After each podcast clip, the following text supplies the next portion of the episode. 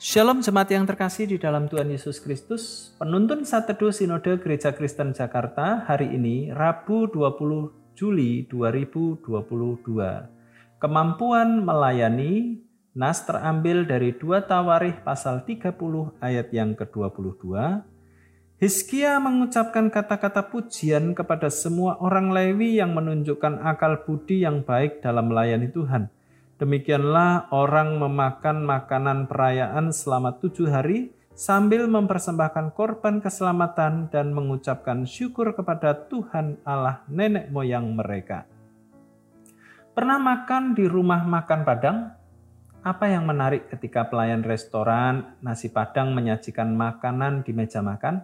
Salah satu yang unik adalah kemampuan mereka membawa banyak piring dengan satu atau dua tangan kadang bisa membawa sampai 10 piring sekaligus tanpa menggunakan nampan, tanpa ada yang tumpah, tanpa ada piring pecah. Raja Hizkia melaksanakan perayaan Paskah. Ini adalah perayaan besar yang diselenggarakan oleh sebuah bangsa yang baru saja mengalami pembaruan rohani. Para imam diberikan tugas untuk pelayanan ibadah Paskah dan mereka melaksanakan tugas mereka dengan baik.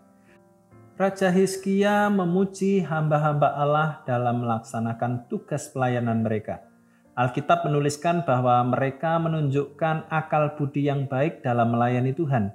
Dalam terjemahan lain dituliskan begitu pandai memimpin ibadah kepada Tuhan.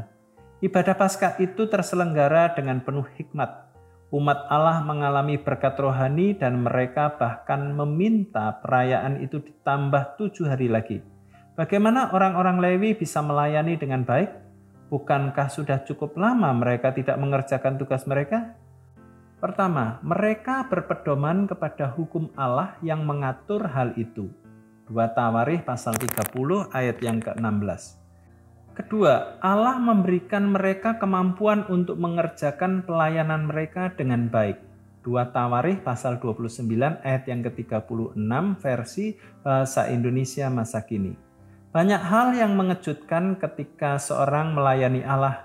Dahulu orang tersebut mungkin tidak tahu apa-apa, ia miskin pengalaman, tetapi ketika sudah terjun di dalam pelayanan, pengetahuannya bertambah dan ia diperkaya dengan pengalaman. Firman Tuhan yang menjadi pedoman dalam ia melayani Allah dan kuasa Allah yang menyertainya sehingga ia bisa berbuah dalam pelayanan.